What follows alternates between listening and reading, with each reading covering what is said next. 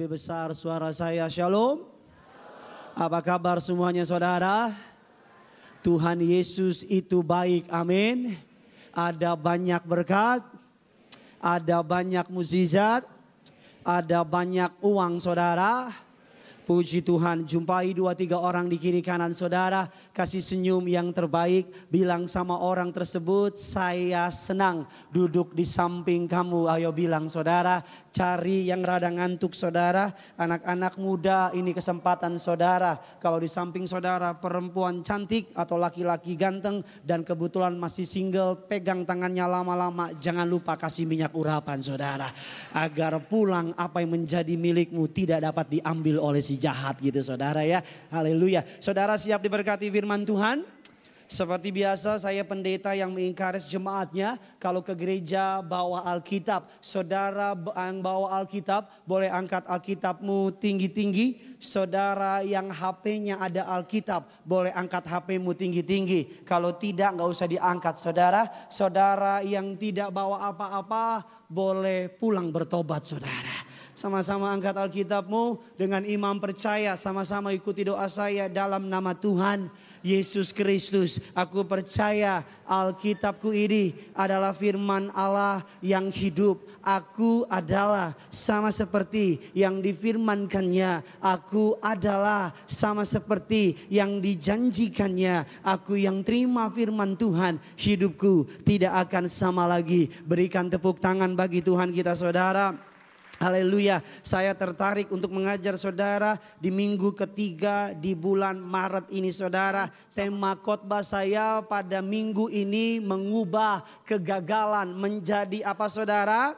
Keberhasilan dalam hidup ini, saudara orang percaya atau bukan orang percaya, kita tidak dapat menghindari yang namanya kegagalan, baik dalam bidang ekonomi, baik dalam bidang kesehatan, terlebih dalam bidang asmara. Ada orang pacaran sampai 15 tahun, tapi ujung-ujungnya nggak berakhir di pernikahan, saudara.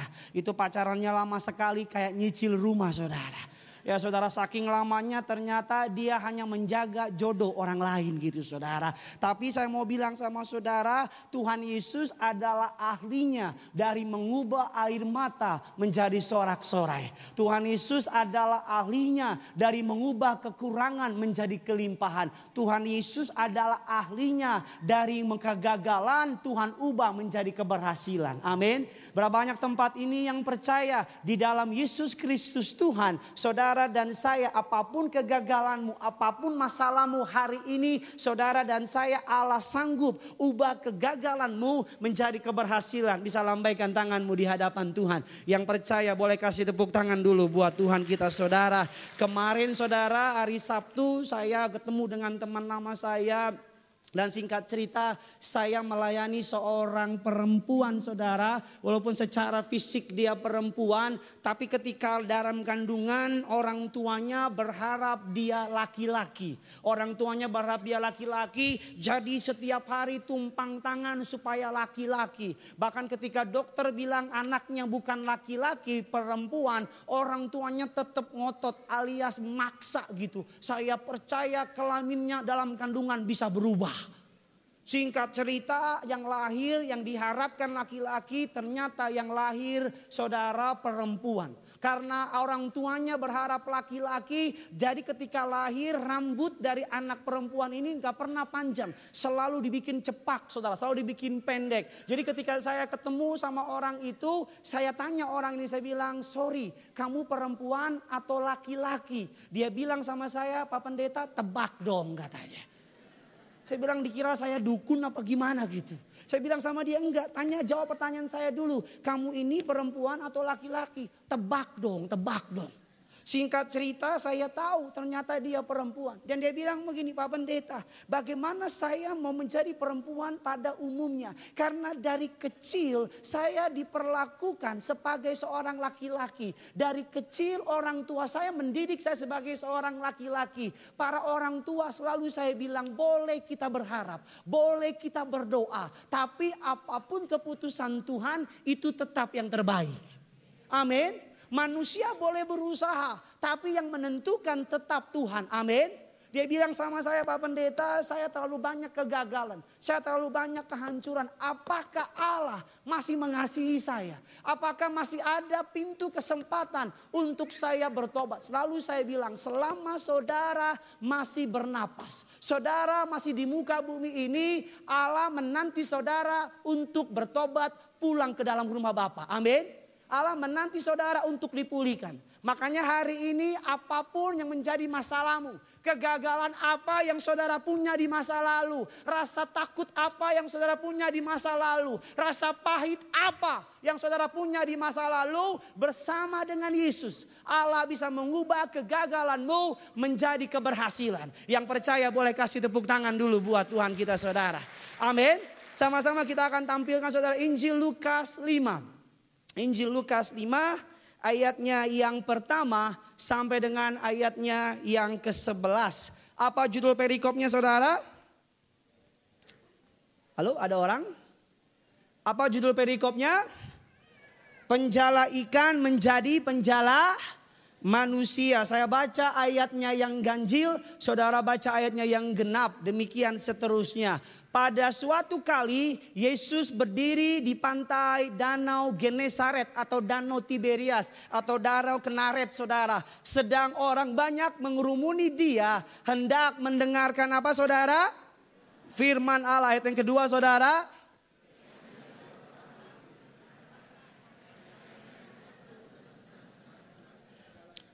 Ayat yang ketiga dikatakan demikian, ia naik ke dalam salah satu perahu itu, yaitu perahu Simon. Dan menyuruh dia supaya menolakkan perahunya sedikit jauh dari pantai. Lalu ia duduk mengajar orang banyak dari atas perahu. Ayat yang keempat saudara,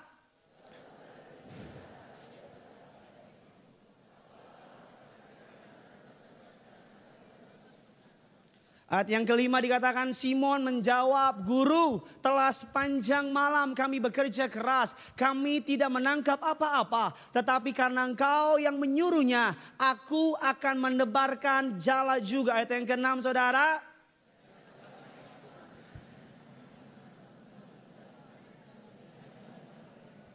Lalu mereka memberi isyarat kepada teman-temannya di perahu yang lain supaya mereka datang membantunya dan mereka itu datang. Lalu mereka bersama-sama mengisi kedua perahu itu dengan ikan hingga hampir apa saudara?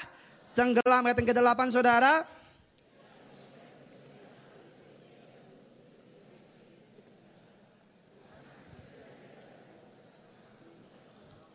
Sebab ia dan semua orang yang bersama-sama dengan dia takjub oleh karena banyaknya ikan yang mereka tangkap. Ayat yang ke-10 saudara.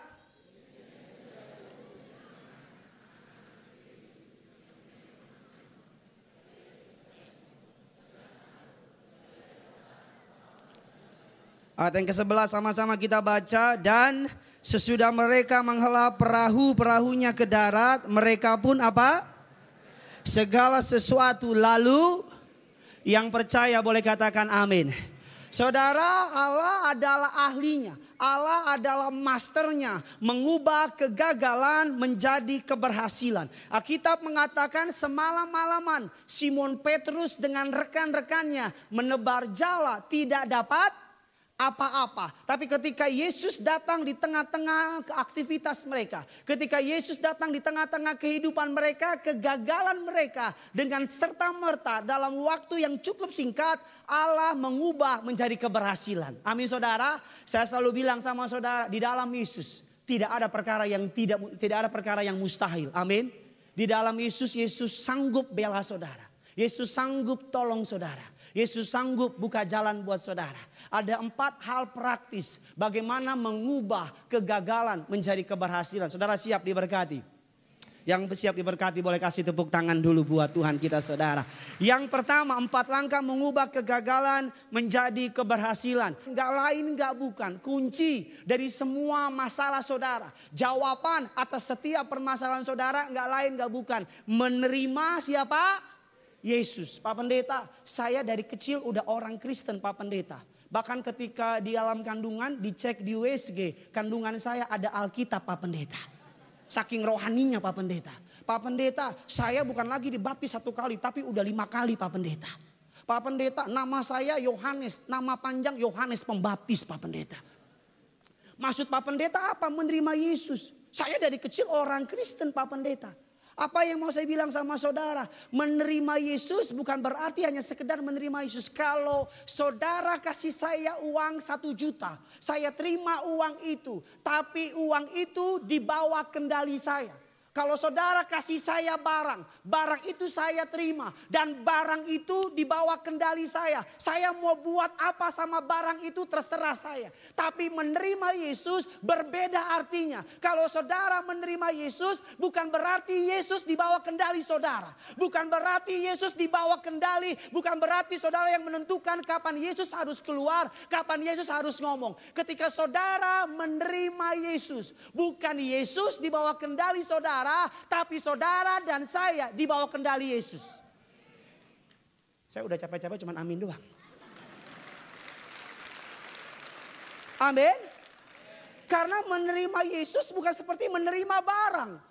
Menerima Yesus bukan seperti saudara menerima barang dan barang itu di bawah penguasaan saudara. Tapi menerima Yesus dalam bahasa aslinya menggunakan kata ginosko. Experience God every day. Allah menuntun langkah saudara. Allah menjaga saudara. Saudara menerima Yesus. Kalau saya boleh kasih ilustrasi.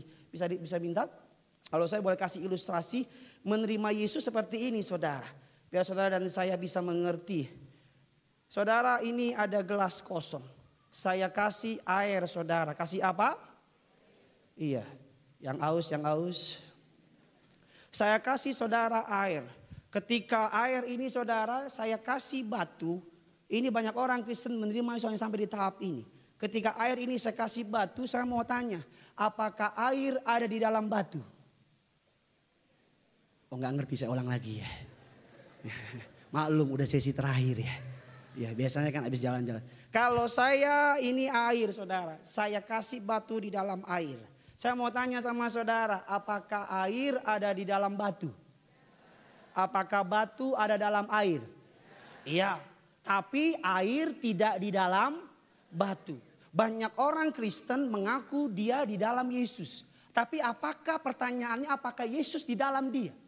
Ada banyak orang Kristen mengaku dia cinta Yesus. Tapi dalam pertanyaannya apakah cintanya betul-betul nyata apa tidak. Jadi kata menerima Yesus bukan kata murahan. Bukan seperti saudara bilang aku sayang kamu kita jadian yuk. Yuk.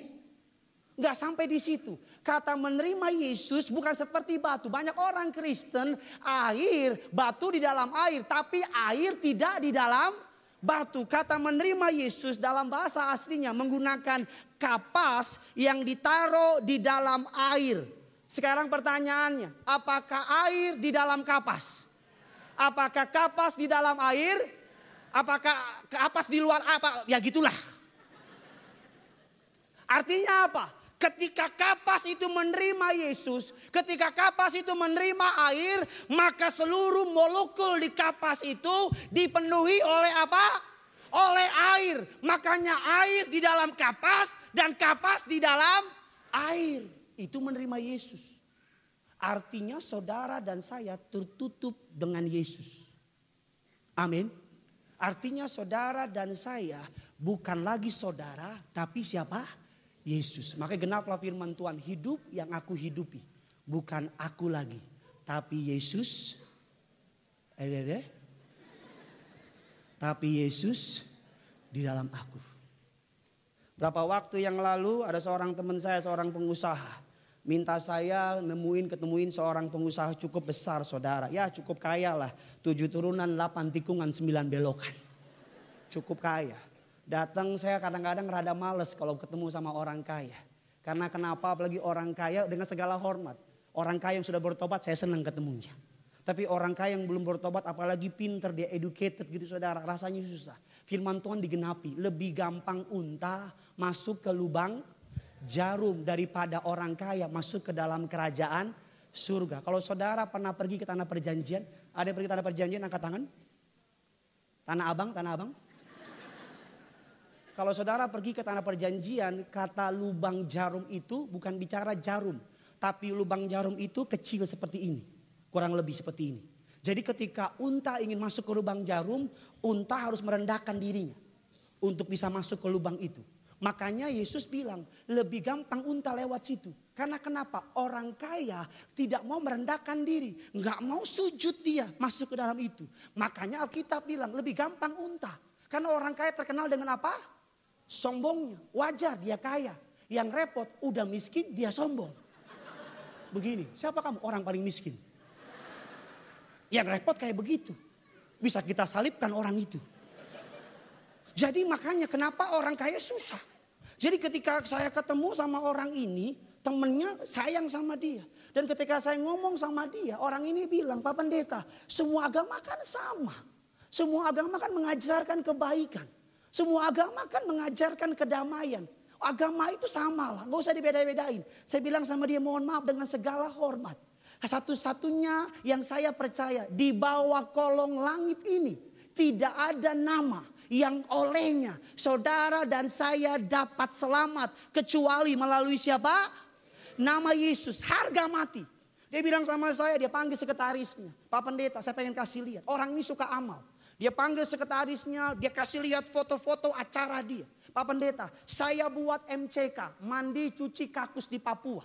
Pak Pendeta, saya buat rumah singgah untuk orang-orang susah. Pak Pendeta, saya buat sumbangan untuk janda-janda miskin. Pak Pendeta, saya jamin saya lebih baik dari kebanyakan orang-orang Kristen pada umumnya. Pak Pendeta, saya jamin saya lebih banyak membantu orang miskin dari kebanyakan orang orang Kristen pada umumnya. Ketika saya dengar itu saya kagum juga. Tapi saya bilang sama dia, saudara dengar baik. Saya bilang sama dia, perbuatan baik di luar Kristus. Cuman yang namanya seribu, saudara boleh berbuat seratus ribu perbuatan baik. Tapi di luar Kristus, seratus ribu perbuatan baik itu saudara buat perbuatan baik terus. Perbuatan baik, tapi dikali sama angka nol. Satu juta kali nol berapa? Satu lima ratus juta kali nol berapa? Semua perbuatan baikmu di luar Kristus tidak dapat mengantar engkau masuk surga. Karena saudara perbedaan dengan baik. Etika keselamatan kekristenan berbeda dengan keselamatan kepercayaan lain. Kalau keselamatan kepercayaan lain, saudara berbuat baik untuk masuk surga.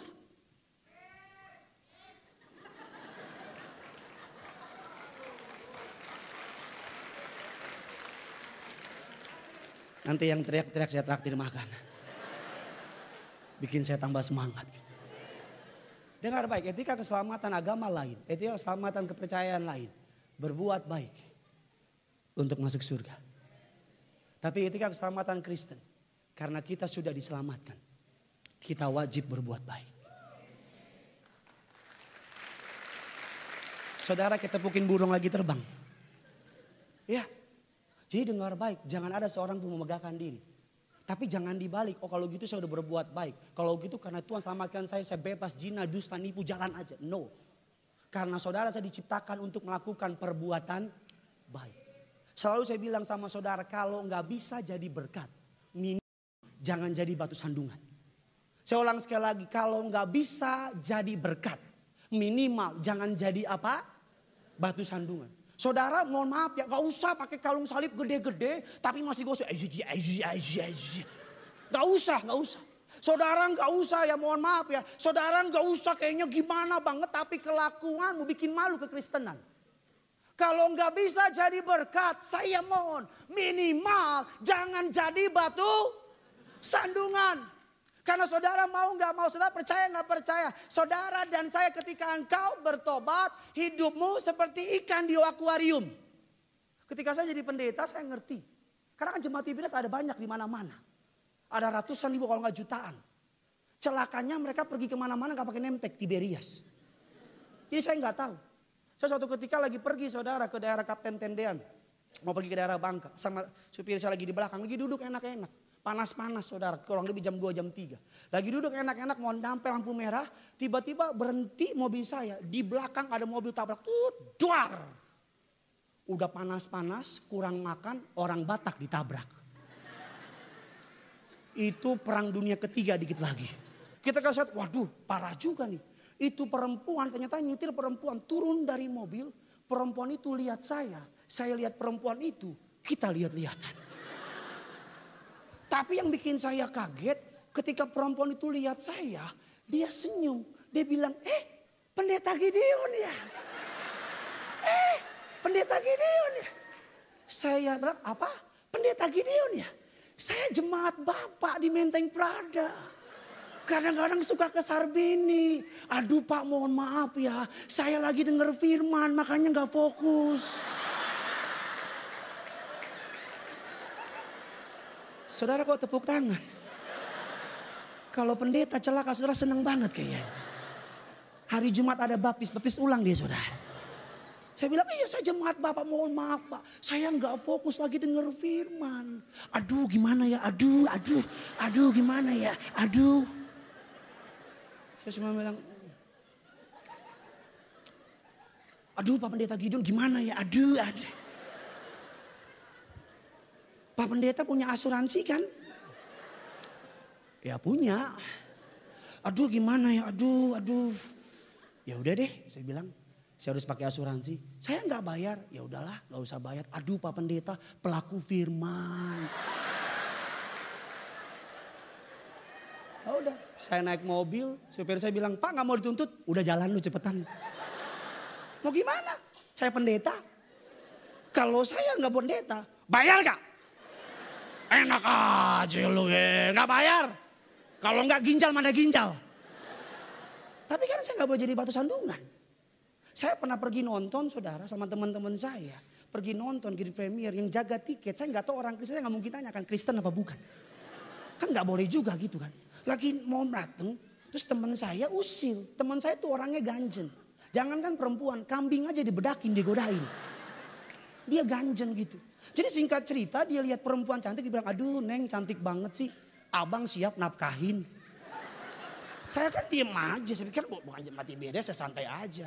Aduh neng kalau cantik kayak begini mah abang siap deh menghalalkannya. Ini teman saya godain-godain terus, lagi goda-godain, ini, ini orang diem aja diem. Udah kasih tiket, dibilang, iya Pak Pendeta, besok khotbah di mana? Minta maaf gak sih bilang. Eh, kalau gak bisa jadi berkat, minimal jangan jadi apa? Batu sandungan. Kalau gak bisa jadi berkat, janganlah, jangan. Jangan sampai kekristenan sulit diterima. Jangan sampai karena saudara dan saya orang susah menginjil. Jangan sampai karena perbuatanmu sampai orang-orang sulit terima Yesus. Selalu saya bilang, ketika saudara menerima Yesus, saudara dilekatkan yang namanya ambassador of Christ. Saudara dan saya adalah duta besarnya Kristus. Saudara dan saya adalah utusan-utusan Kristus. Ke mana engkau melangkah, Bapak dan Ibu Gembala sidang contoh utusan Kristus yang bagi saya paling maksimal. Ketemu sama orang di mana-mana lagi makan. Kata pertama yang Bapak tanya sama dia, Mbak nanti kalau mati masuk mana? Ibu juga sama, saya tengok Bapak menginjil. Saya tengok Ibu, Ibu juga menginjil. Saya cuma tengah-tengah bingung mau ngapain. Bapak Ibu kalau ketemu orang tanya, Pak, Bu nanti kalau mati masuk mana? Rata-rata bilang nggak tahu kalau mau yang pasti terima Yesus saya. Ke mana-mana hati beliau melayani. Ke mana-mana hati beliau menjadi berkat. Makanya saya mau bilang sama saudara pengusaha ini bilang gini sama saya Pak Pendeta. Buat apa jadi orang Kristen? Saya punya teman pengusaha Kristen. Nipu jalan terus kok. Bohong jalan terus. Gak ada bedanya sama saya. Saya mau bilang sama saudara. Kalau nggak bisa jadi berkat. Minimal jangan jadi apa? Batu sandungan. Bilang kiri kanan saudara. Kamu berkat atau batu sandungan? Bilang sama yang baru ngomong, kayaknya kamu batu kali deh. Saudara yang pertama bagaimana cara mengubah kegagalan menjadi kesuksesan, keberhasilan. Menerima Yesus. Amin saudara. Yang pertama menerima Yesus. Yang kedua apa saudara? Memberi waktu untuk siapa? Untuk Yesus. Saudara lihat ke depan. Saudara perhatikan Simon Petrus semalam malaman mereka menebar jal. Alkitab bilang mereka tidak dapat apa? apa-apa. Zero. Ini yang saya bilang. Saudara boleh berpengalaman. Tapi kalau Tuhan tutup pintu saudara. Gak ada yang bisa buka. Tapi saudara boleh tidak berpengalaman. Kalau Tuhan berkenan sama saudara. Tuhan buka pintu saudara. Gak ada yang bisa tutup. Amin. Itu perbedaan. Kalau Tuhan mau tutup gak ada yang bisa buka. Kalau Tuhan mau buka gak ada yang bisa tutup. Simon Petrus sekalipun dia capek. Ketika Yesus, saudara orang kita mengatakan banyak crowd ikut dia. Yesus sampai di pinggir Danau Galilea, Danau Tiberias, Danau Knesset. Dia tunggu di sini, udah pojok. Dia lihat yang namanya ada dua perahu. Yesus pilih yang namanya perahu Simon. Yesus bilang sama dia, aku pinjam perahumu, aku menginjil. Yesus menginjil di tengah orang banyak. Di tengah-tengah lautan Yesus menginjil. Tapi Petrus dia nggak bilang Yesus aku capek. Cari tempat yang lain deh. Cari gedung yang lain deh. Cari perahu yang lain deh. Tapi Petrus, Simon Petrus membiarkan perahunya untuk dipakai sarana penginjilan. Kalau saudara buka rumah saudara untuk penginjilan, rumahmu pasti diberkati. Kalau saudara buka perusahaan saudara untuk penginjilan, perusahaanmu pasti diberkati. Kalau saudara buka toko daganganmu untuk penginjilan, toko daganganmu pasti diberkati. Kalau saudara bangun setiap bisnis, usaha, pekerjaanmu untuk penginjilan, untuk mencari jiwa, untuk nama Yesus dipermuliakan, untuk Injil Kerajaan Surga diberitakan. Saya jamin Tuhan akan pelihara bisnismu, Tuhan akan di usahamu, Tuhan akan jadikan engkau naik bukan turun, diangkatnya engkau menjadi kepala bukan ekor. Amin saudara. Orang beri kemuliaan buat Tuhan kita. Orang yang hidupnya penuh dengan roh kudus, orang yang hidupnya penuh dengan firman, artinya orang itu penuh dengan hikmat. Hikmat itu tidak didapati dari bangku pendidikan. Hikmat itu tidak didapati dari pendidikan formal. Hikmat itu nggak ada hubungannya sama kepintaran. Hikmat itu Allah mencurahkan pikirannya kepada manusia. Makanya orang yang berhikmat dapat mengalahkan orang yang pintar. Kita lihat firman Tuhan. Bisa saudara saya bisa mengerti kitab Amsal saudara. Biar saudara dan saya bisa mengerti. Amsal 10 ayat yang ke-22. Sama-sama 3, 2, 1, ya.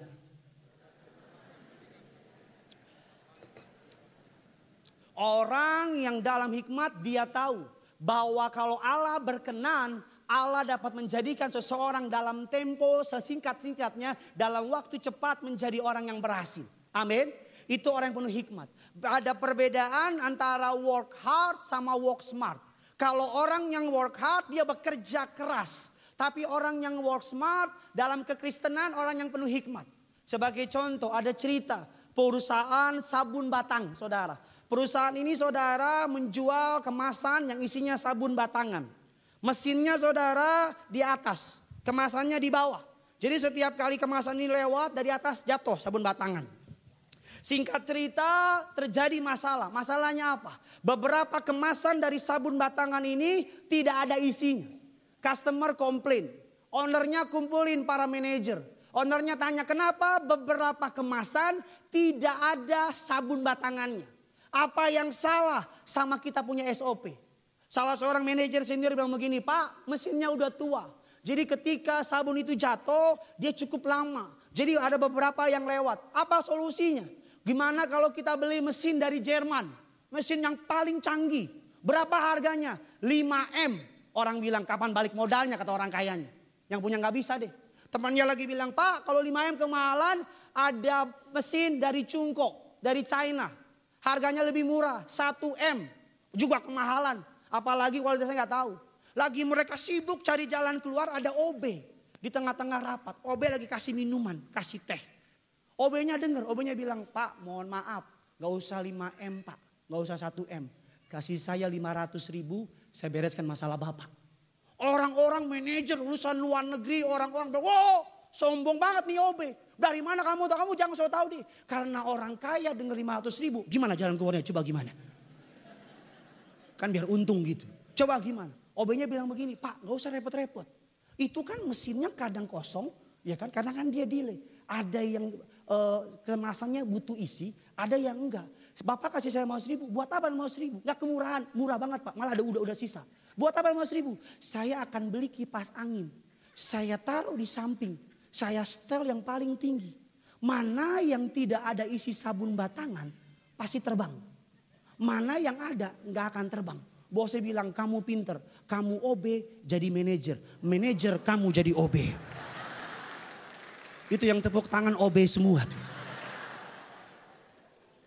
Saya mau bilang, orang berhikmat itu ngalahin orang pinter. Eh, suatu ketika Mr. Bean naik pesawat. Di sampingnya Mr. Bean ada Albert Einstein. Nggak mungkin saya yang buat cerita suka-suka saya. Di sampingnya ada Albert Einstein. Einstein bilang gini, Bean, saya ini orang paling pintar di dunia. Mr. Bean bilang enggak, saya paling pintar. Kata Einstein gini, ya udah deh, kita tes aja. Saya kasih tebak-tebakan kata Einstein. Kalau kamu bisa, kalau kamu nggak bisa jawab pertanyaan saya, kamu bayar 5 dolar. Tapi kalau saya nggak bisa jawab pertanyaan kamu, samu saya kasih 500 dolar. Oke, kata Mr. Bean setuju untuk membuktikan siapa yang paling pinter. Karena Einstein dia ngerasa paling pinter, Einstein sombong. Mr. Bean, kamu duluan tanya. Mr. Bean bilang, oke okay, Einstein, kamu minta, lu jual gue beli.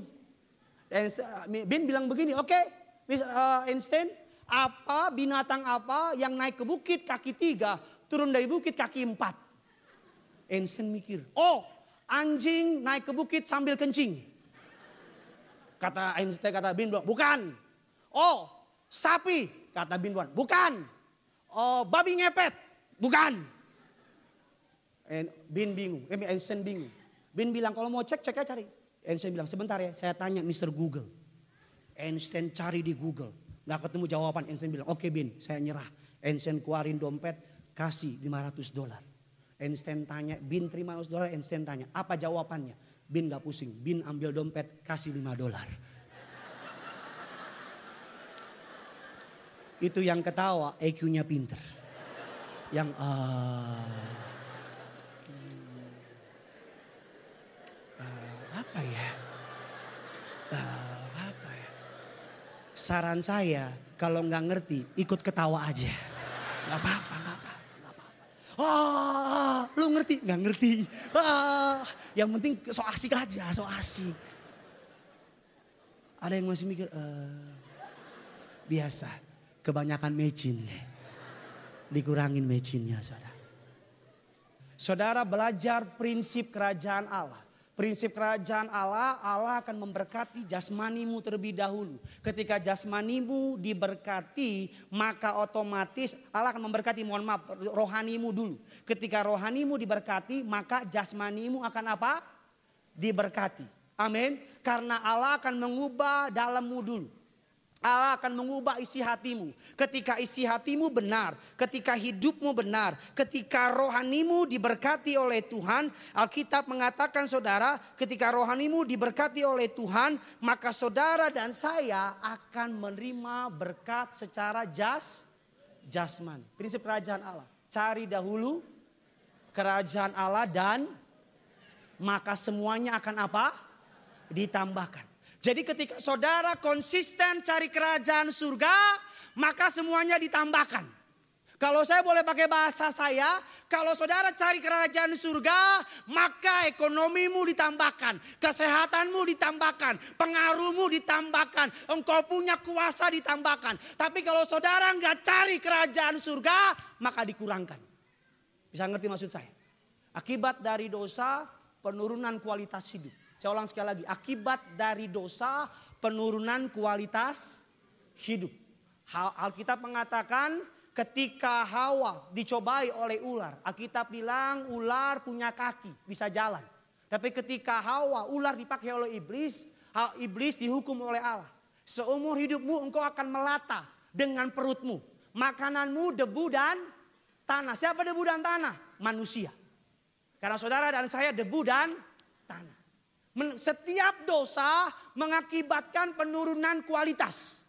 Saudara jatuh dalam dosa, saudara mengalami penurunan kualitas. Ketika Adam dan Hawa di dalam Taman Eden hidup berbahagia. Ketika mereka jatuh dalam dosa, mereka tidak lagi punya fasilitas yang sama. Upah dosa adalah maut. Tapi yang hal kendaki adalah pertobatan. Amin. Catat prinsip kerajaan surga ini.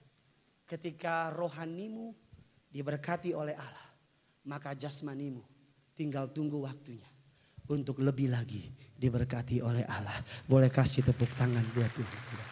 Yang ketiga, kita lihat firman Tuhan. Besok dan saya bisa cepat saja saudara. Yang ketiga, bagaimana mengubah kegagalan menjadi keberhasilan. Yang ketiga, mentaati apa saudara? Perintah Yesus. Selalu saya bilang, lakukan bagianmu. Bekerja dengan giat maka Tuhan akan apa saudara? Memberkati saudara. Amin. Bagaimana mengubah kegagalan menjadi kesuksesan. Bagaimana mengubah kegagalan menjadi keberhasilan. Alkitab bilang yang pertama menerima Yesus. Alkitab bilang yang kedua memberi waktu untuk mendengar firmannya. Yang ketiga Alkitab bilang apa saudara? Mentaati perintah perintah Yesus. Saya harus bilang sama saudara. Kadang-kadang perintah Tuhan itu tidak dapat dimengerti oleh akal budi. Betul apa tidak? Kadang-kadang perintah Tuhan itu logika kita nggak bisa ngerti. Tapi selalu saya bilang, jalan Tuhan adalah yang ter terbaik. Saudara ketika Musa ketemu dengan Allah di padang gurun. Allah bilang Musa apa yang ada padamu. Alkitab mengatakan Musa menjawab tong tongkat. Lempar tongkat itu ke padang gurun. Lempar ke bawah. Ketika tongkat itu dilempar ke bawah Alkitab mencatat tongkat berubah menjadi apa? Ular. Firman Tuhan lemparkanlah itu ke tanah. Dan ketika dilemparkannya ke tanah maka tongkat itu menjadi apa? ular sehingga Musa apa saudara? Musa lari ketakutan. Tapi ketika Musa balik lagi Tuhan bilang begini. Musa pegang ekornya. Kalau saudara nonton Animal Planet, saudara nonton cerita-cerita tentang ular, apalagi ular di padang gurun, catat baik, Musa 40 tahun di padang gurun. Musa ngerti betul tentang ular berbahaya, apalagi ular padang gurun bicara derik yang ada ujungnya gitu. Jadi ketika Tuhan bilang pegang ekornya, saya percaya pasti akan bilang, Tuhan salah kali kepalanya kali. Enggak Musa ekornya, kepalanya. Enggak Mus ekor. Enggak Tuhan kepalanya, Musa ekor. Secara logika, pegang ular di ekornya adalah tindakan paling bodoh sedunia. Karena ketika ekornya dipegang, kepalanya balik, orang Korea bilang mate maho. Kim Jong Un, Boris Siregar. Ya. Karena kalau pegang ke ekor ular, kepalanya apa? Balik, dia akan tak patuk saudara. Yang paling benar pegang ular itu apa saudara? Kepalanya. Allah tidak memelit Allah tidak tidak bisa di, di, dimengerti dengan pikiran. Saya mau bilang bukan berarti kekristenan menepikan akal logika, tapi kekristenan tapi Tuhan di atas logika. Saya sekali lagi bukan berarti kekristenan menepikan logika. Bukan berarti kekristenan tidak punya akal sehat. Tapi Tuhan di atas logika. Amin. Ketika Simon Petrus semalam-malaman menebar jala. Alkitab bilang gak dapat apa-apa. Yesus datang bilang sama dia, Simon lebih ke dalam lagi. Lempar ke sebelah kanan.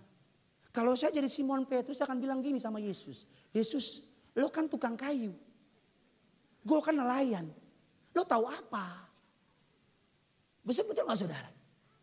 Tapi saya suka respon Simon Petrus. Guru, semalam-malaman kami tidak mendapat.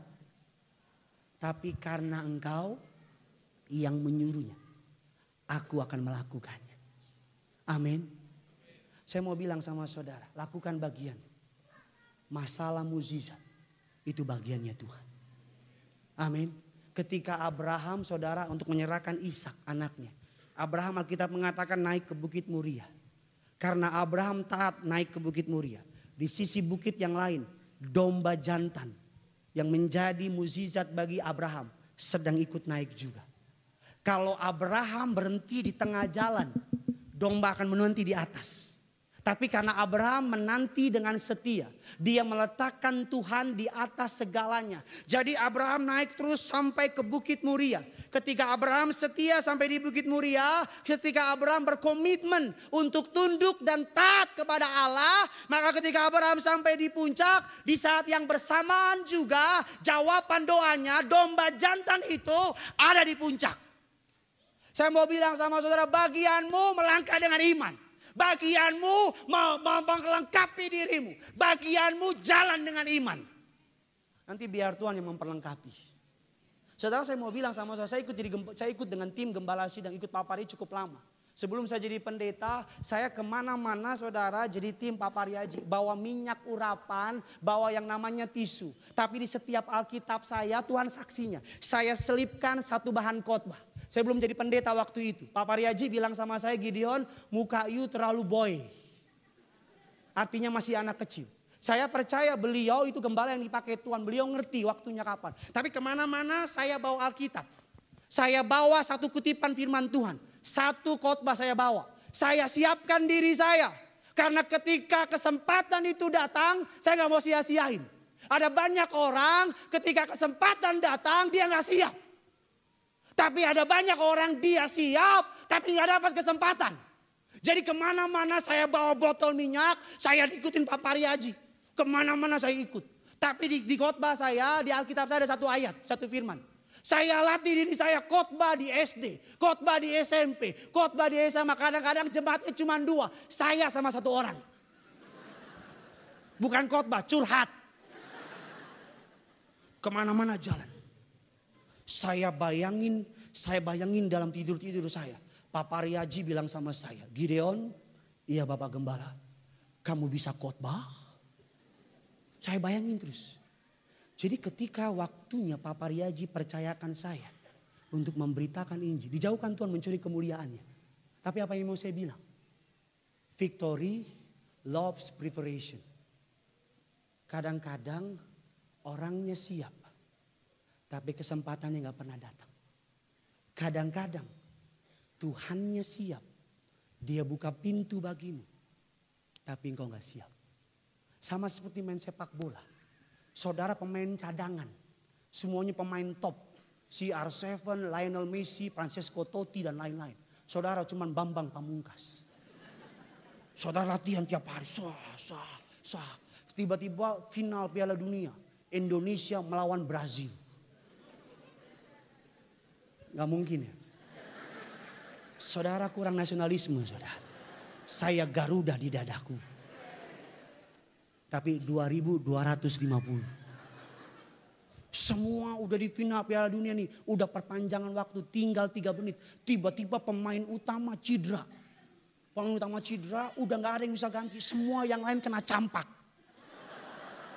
Lah kan Tuhan bisa buat apa aja. Iya kan? Atau muntaber ya muntaber. Cuma saudara di bangku cadangan lagi duduk begitu. Lagi bengong. Tiba-tiba pelatih lihat saudara. Ya dia lagi nggak ada yang lain nih. So, karena saudara udah latihan dibilang kamu siap. Siap. Saudara turun ke lapangan. Tinggal tiga menit, detik-detik menegangkan. Tiba-tiba dari back saudara umpan lambung. Saudara lari ke tengah. Saudara tanda ada tak. Saudara salto. Plus. Gol. Gelora Bung Karno meledak. Wow. Besok di koran. From zero to hero. Wow. Enggak itu cuma cerita hayalan gak usah tepuk tangan. Enggak ada dalam kenyataan. Coba bayangin saudara nih bangsa menanti saudara, saudara nggak latihan, tiba-tiba pemain utama cedera, saudara masuk ke lapangan, tiba-tiba di depan gawang saudara, saudara sentuh bola pakai tangan. Tiba-tiba penalti, gol di koran from hero to zero. Apa maksud saya? Apa maksud saya? Gini loh saudara. Saudara bagianmu dan bagianku kalau engkau punya mimpi jadi orang besar. Bagianmu bukan liatin keberhasilan orang. Bagianmu bukan ngomongin orang lain. Bagianmu bukan fokus sama orang lain keberhasilan. Saudara ketika suatu orang duduk di bawah pohon apel. Ada apel jatuh di kepalanya. Kalau orang yang small minded dia akan bilang siapa nih yang timpuk gua. Kalau orang small minded akan berpikir nyalain orang. Apa pun yang terjadi bukan gue yang salah, lo yang salah. Mental play victim itu orang yang otaknya kecil, small, small minded. Tapi orang yang average minded ketika bola jatuh, ketika apa jatuh di kepalanya, dia bilang aduh lagi enak-enak tidur nih. Kenapa sih jatuh di kepala gua? Tapi orang yang punya pikiran besar, ketika apel jatuh di kepala dia akan pikir kenapa ya jatuh ke bawah. Kenapa nggak ke atas, kenapa nggak ke kiri, kenapa nggak ke kanan. Muncullah teori relativitas yang diciptakan oleh Thomas Alva Edison. Salah. Saking semangatnya. Ditukar-tukar bahannya. Muncullah teori relativitas. Kenapa ya apel jatuh ke bawah? Kenapa nggak ke kiri, kenapa nggak ke kanan? Kalau orang mentalnya gede kayak begitu. Dia nggak inferior lihat orang berhasil. Dia nggak kecewa lihat orang maju. Kalau orang saudara di dalam Tuhan. Saudara selalu saya bilang, saudara sahabatan. Kadang-kadang temanmu akan oke. Okay, kalau berkatmu masih di bawah dia. Tapi sahabat sejati akan kelihatan ketika Tuhan angkat saudara lebih dari sahabatmu. Kau diangkat tinggi gitu. Lihat isi hatinya siapa. Kalau dia sayang sama saudara, dia akan menjadi your royal supporter. Oh ayo semangat, lo bisa, lo bisa. Tapi kalau orang yang hatinya iri, kok dia bisa? Oh dia begini, begini, begini, begini. Selalu saya bilang, saya ketemu jemaat, anak muda, Pak Pendeta, tolong doain saya dong. Supaya gaji doa jabatan yang tinggi. Saya tumpang tangan doain. Saya tumpang tangan saya tanya, udah melamar ke mana aja? Emang perlu ngelamar Pak Pendeta? Saya bilang ya perlu ngelamar lah. Loh kan Tuhan sanggup ketemuin saya sama jutawan. Terus saya tanya lagi sama dia, kamu lulusan mana? S1 di mana? Saya nggak S1 Pak Pendeta. Oh SMA, nggak SMA Pak Pendeta. SMP, kelas 2 drop out. Kamu bisa bahasa Inggris? Nggak bisa Pak Pendeta. Bahasa Mandarin? Nggak bisa Pak Pendeta. Bisa bahasa apa? Ya bahasa Indonesia. Kamu bisa nyetir? Nggak bisa. Naik motor? Dulu pernah naik sepeda, tapi jatuh jadi trauma. Najis gak orang kayak gitu? Saya mau tanya ya. Kak anggap aja saudara punya perusahaan besar. Ya, bilang amin dulu. Saudara lagi nyari CEO. Tiba-tiba orang yang model tadi datang.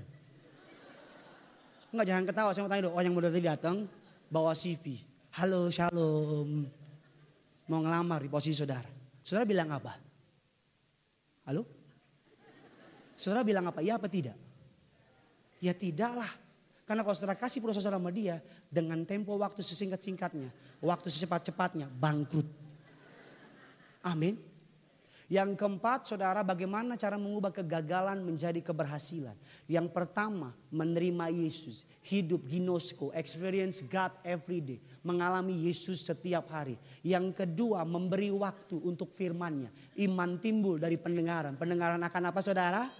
Saya undang teman-teman pemusik, boleh maju ke depan. Yang ketiga, mentaati apa? Firman Allah. Apa pun yang Yesus suruh, apa pun yang Yesus perintahkan, taati. Di balik ketaatan ada apa saudara? Berkat. Yang keempat, bagaimana mengubah kegagalan menjadi keberhasilan. Alkitab mengatakan bisa ditampilkan ayatnya yang ke-11.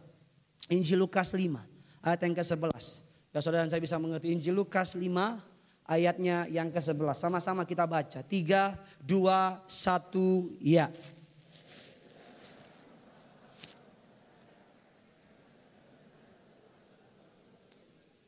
Saya undang teman-teman pemusik sekali lagi. Dan sesudah mereka menghela perahu, perahunya ke darat. Mereka apa saudara? Meninggalkan segala sesuatu. Lalu apa saudara? Mengikut yang saya suka saudara dari mereka apa? Ketika mereka melihat banyak mukjizat terjadi, Alkitab bilang mereka tidak terikat dengan berkatnya. Tapi mereka meninggalkan segala sesuatu. Lalu apa saudara? mengikuti Yesus. Ini yang menjadi mental orang percaya. Ada 10 orang orang kusta. Berapa yang sembuh dari 10 orang kusta? 10-10-nya yang sembuh. Berapa yang balik kepada Yesus? Satu. Kadang-kadang kita lebih fokus sama berkatnya sampai lupa sumber berkatnya. Kadang-kadang kita terlalu mengasihi ciptaannya sampai lupa sang pencipta. Saya mau tanya sama saudara. Saudara beli motor dapat payung atau beli payung dapat motor? Enggak, saya mau tanya. Mana yang benar? Saudara beli motor dapat payung atau beli motor dapat helm atau beli helm dapat motor? Enggak ada orang datang beli payung dapat motor, enggak ada. Enggak ada orang beli motor ambil helmnya motor tinggalin. Kalau ada orang kayak gitu, orang yang rada-rada. Tapi kadang-kadang kita orang Kristen kayak begitu. Kita terima berkat dari Tuhan. Kita diberkati, kita diangkat Tuhan tinggi. Kita lupa siapa yang angkat kita. Kita lupa kita dulu siapa. Kita lupa kita berasal dari mana. Maaf ya, kadang-kadang banyak orang bertobat di Tiberias. Harus bilangin. Kadang-kadang orang bertobat di Tiberias, terima mukjizat di Tiberias, dibangun di Tiberias, keluarganya dipulihkan di Tiberias. Tapi yang Tiberias ada sedikit satu dengan yang lain, langsung keluar ngomongin aizi, aizi, aizi, aizi. Ya orang yang model gitu ya, nggak tahu diri. Maaf ya, maaf ya, mohon tersinggung, mohon tersinggung. Jangan bukan jangan tersinggung, tapi mohon tersinggung. Kadang-kadang orang yang kayak gitu gak tahu diri. Karena gini loh, sadar kita siapa. Ngerti gitu.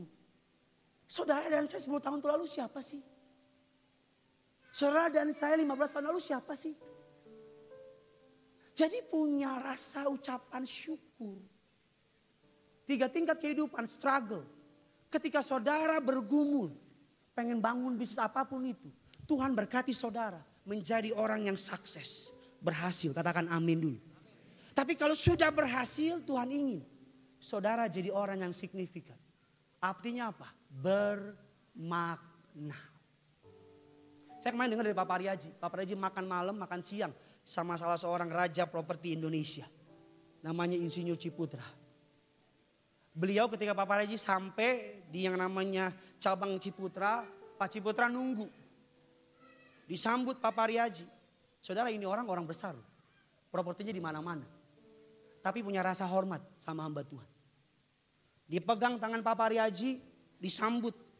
Dibawa ke restoran, dijamu. Pak Cipi bilang gini, Pak 98 saya bangkrut.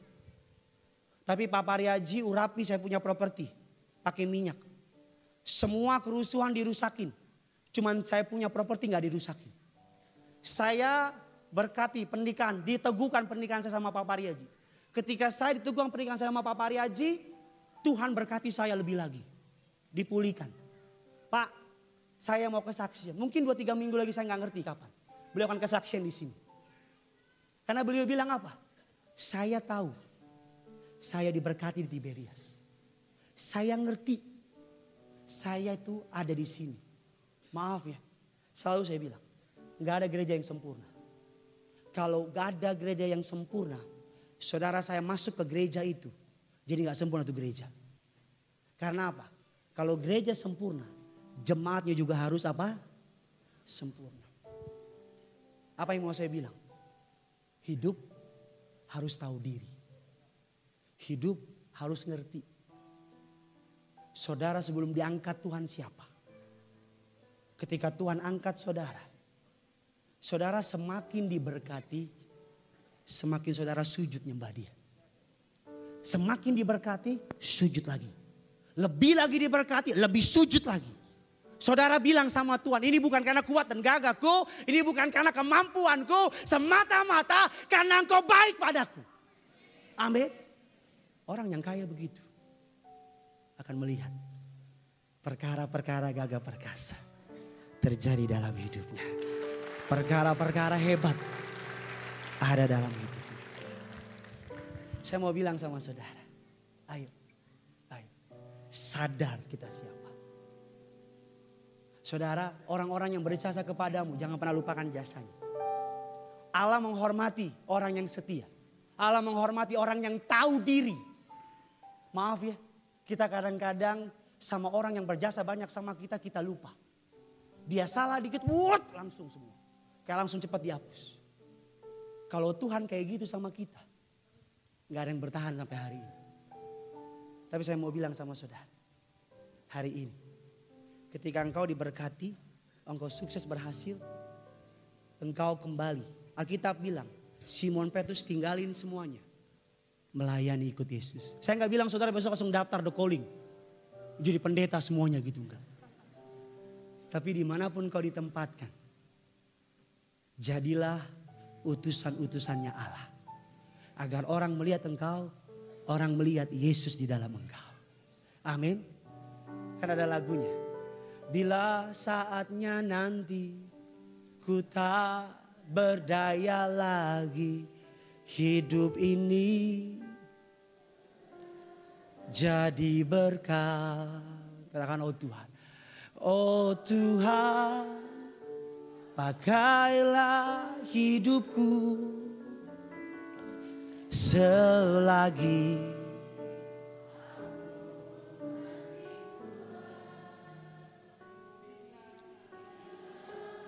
saatnya nanti